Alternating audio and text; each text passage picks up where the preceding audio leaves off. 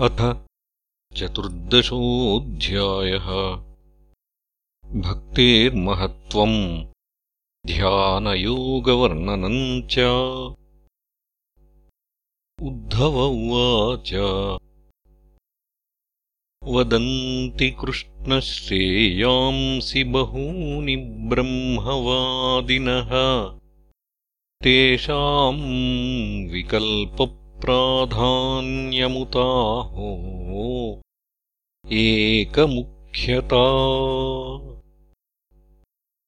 भवतोदाहृतः स्वामिन् भक्तियोगोऽनपेक्षितः निरस्य सर्वतः सङ्गम् येन त्वय्याविशेन्मनः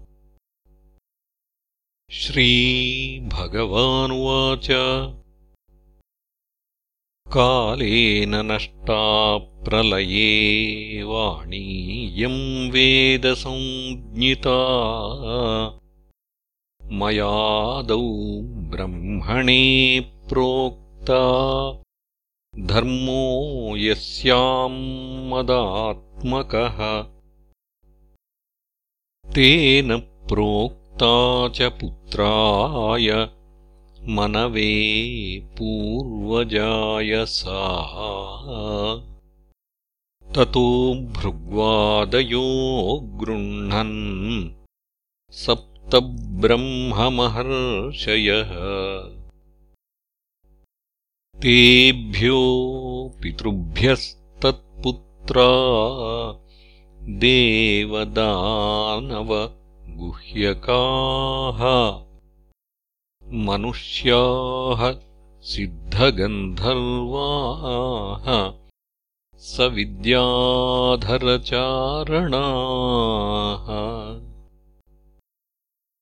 किम् देवाः किन्नरा नागा रक्षः किम् पुरुषादयः बह्व्यस्तेषाम् प्रकृतयो रजः सत्त्वतमो भुवः।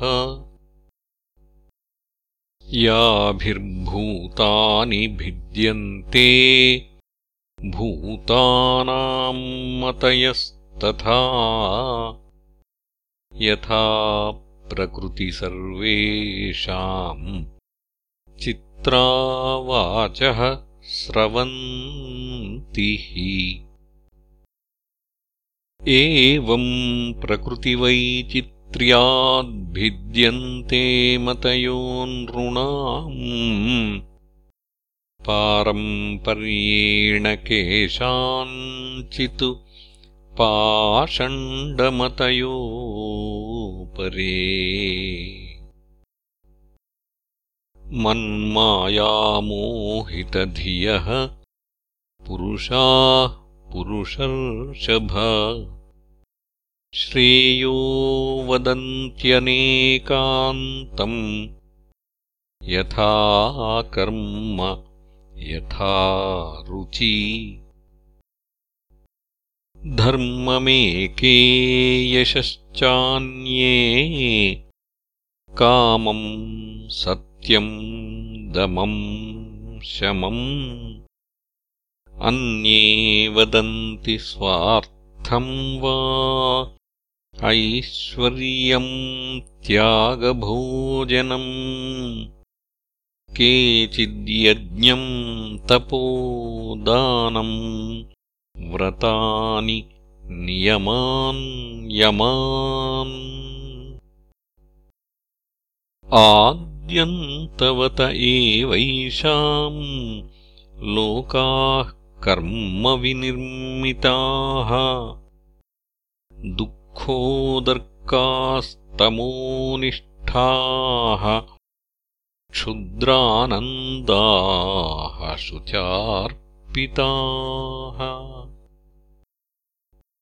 मय्यर्पितात्मनः सभ्य निरपेक्षस्य सर्वतः।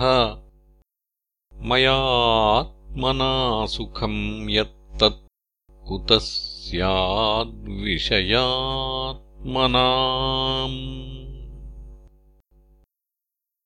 अकिञ्चनस्य दान्तस्य शान्तस्य समचेतसः। मया सन्तुष्टमनसः सर्वाः सुखमया दिशः। न पारमेष्ठ्यम् न महेन्द्रधिष्ण्यम् न सार्वभौमम् न रसाधिपत्यम् न योगसिद्धीरपुनर्भवम् वा मय्यर्पितात्मेच्छति मद्विनान्यत्। न तथा मे प्रियतम आत्मयो निर्नशङ्करः। न च सङ्कर्षणो न श्रीः नैवात्मा च यथा भवान्। निरपेक्षम् मुनिम् शान्तम् निर्वैरम् समदर्शनम्। अनुव्रजाम्यहम् नित्यम् पूयेयेत्यङ्घ्रिरेणुभिः निष्किञ्चनामय्यनुरक्तचेतसः। शान्ता महान्तोऽखिलजीववत्सलाः। कामैरनालब्धधियो जुषन्ति यत् तन्नैरपेक्ष्यम् न विदुः सुखम् मम। बाध्यमानोऽपि मद्भक्तो। विषयैरजितेन्द्रियः। प्रायः प्रगल्भया भक्त्या। विषयैर्नाभिभूयते यथाग्निः सुसमृद्धार्चिः करोत्येधांसि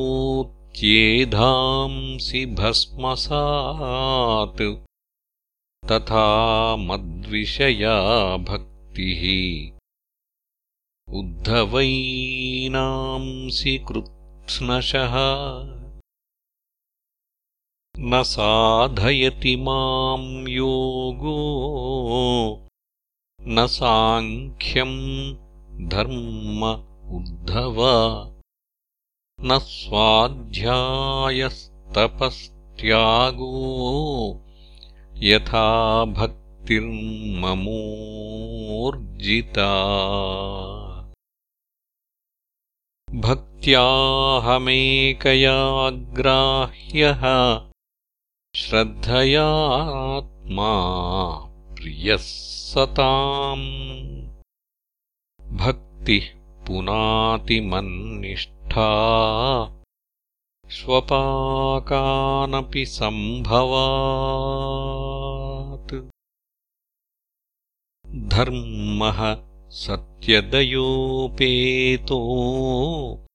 विद्या वा तपसान्विता मद्भक्त्यापेतमात्मानम् न सम्यक् प्रपुनातिः कथम् विना रोमहर्षम् द्रवता चेतसा विना विनानन्दाश्रुकलया शुद्ध्येद्भक्त्या विनाशयः। वाग्गद्गदा द्रवते यस्य चित्तम् रुदच्चेतसा क्वचित्यभीक्ष्णम् हसति क्वचिच्च विलज्ज उद्गायति नृत्यते च मद्भक्तियुक्तो भुवनम् पुनाति। यथाग्निना हेम मलम् जहाति। ध्मातम् पुनः स्वम् भजते च रूपम्। आत्मा च कर्मानुशयम् विधूय मद्भक्तियोगेन भजत्यथो माम्। यथा यथात्मा परिमृज्यतेऽसौ मत्पुण्यगाथाश्रवणाभिधानैः तथा तथा पश्यति वस्तुसूक्ष्मम्। चक्षुर्यथैवाञ्जनसम्प्रयुक्तम् विषयान् ध्यायतश्चित्तम्। विषयेषु विषज्यते मामनुस्मरतश्चित्तम् मय्येव प्रविलीयते। तस्मादसदभिध्यानम् यथा स्वप्नमनोरथम् हित्वा मयि समाधत्स्व मनो मद्भावभावितम् स्त्रीणाम् स्त्रीसङ्गिनाम् सङ्गम् त्यक्त्वा दूरतात्मवान् क्षेमे विविक्तासीनः चिन्तयेन्माम् अतन्द्रितः न तथास्य भवेत् क्लेशो बन्धश्चान्यप्रसङ्गतः योषित्सङ्गाद्यथा पुंसो यथा तत्सङ्गिसङ्गतः। उद्धव उवाच यथा त्वामरविन्दाक्ष यादृशम् वा यदात्मकम् ध्यायेन्मुमुक्षुरेतन्मे ध्यानम् त्वम् वक्तुमर्हसि। श्रीभगवानुवाच समासनासीनः समकायो यथा सुखम्। हस्ता उत्सङ्गाधाय स्वनासाग्रकृते क्षणः प्राणस्य शोधयेन्मार्गम् पूरकुम्भकरे च कैः विपर्ययेणापि शनैः अभ्यसेन्निर्जितेन्द्रियः हृद्यवच्छिन्नमोङ्कारम् घण्टानादम् विसोर्णवत् प्राणेनोदीर्यतत्राथ पुनः संवेशयेत्स्वरम् एवम् प्रणवसंयुक्तम् प्राणमेव समभ्यसेत्। दशकृत्वस्त्रिशवणम् मासादर्वाग्जितानिलः हृत्पुण्डरीकमन्तस्थमूर्ध्वनालमधोमुखम्। ध्यात्वोर्ध्वमुखमुन्निद्रमष्टपत्रम्। सकर्णिकम् कर्णिकायाम् न्यसेत् सूर्यसोमाग्नीनुत्तरोत्तरम्।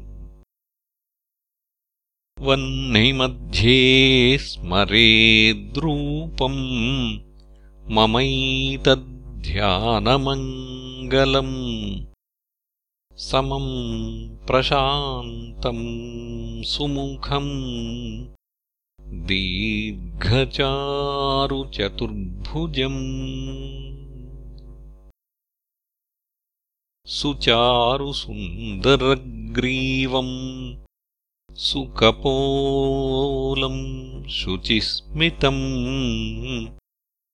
समानकर्णविन्यस्त स्फुरन्मकरकुण्डलम्। हेमाम्बरम् घनश्यामम् श्रीवत्सश्रीनिकेतनम् शङ्खचक्रगदा पद्म वनमालाविभूषितम्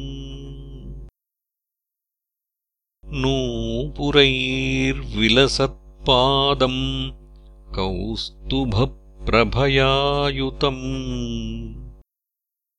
द्युमत्किरीटकटककटिसूत्राङ्गदायुतम् सर्वाङ्गसुन्दरम् हृद्यम् प्रसादसुमुखेक्षणम् सुकुमारमभिध्यायेतु सर्वाङ्गेषु मनो दधतु इन्द्रियाणीन्द्रियार्थेभ्यो मनसाकृष्यतन्मनः बुद्ध्या सारथिना धीरः प्रणयेन्मयि सर्वतः। तत्सर्वव्यापकम् चित्तमाकृष्यैकत्र धारयेत्। नान्यानि चिन्तयेद्भूयः सुस्मितम् भावयेन्मुखम्। तत्र लब्धपदम् चित्तमाकृष्य व्योम्निधारयेत्। तच्च त्यक्त्वा मदारोहो। न किञ्चिदपि चिन्तयेत् एवम् समाहितमतिर्मामेवात्मानमात्मनि विचष्टे मयि सर्वात्मन् ज्योतिर्ज्योतिषि संयुतम्। ध्यानेनेत्थम् सुतीव्रेण युञ्जतो योगिनो मनः। संयास्यत्याशु निर्वाणम् द्रव्यज्ञानक्रियाभ्रमः। इति श्रीमद्भागवते महापुराणे पारमहंस्याम् संहितायाम् एकादशस्कन्धे चतुर्दशोऽध्यायः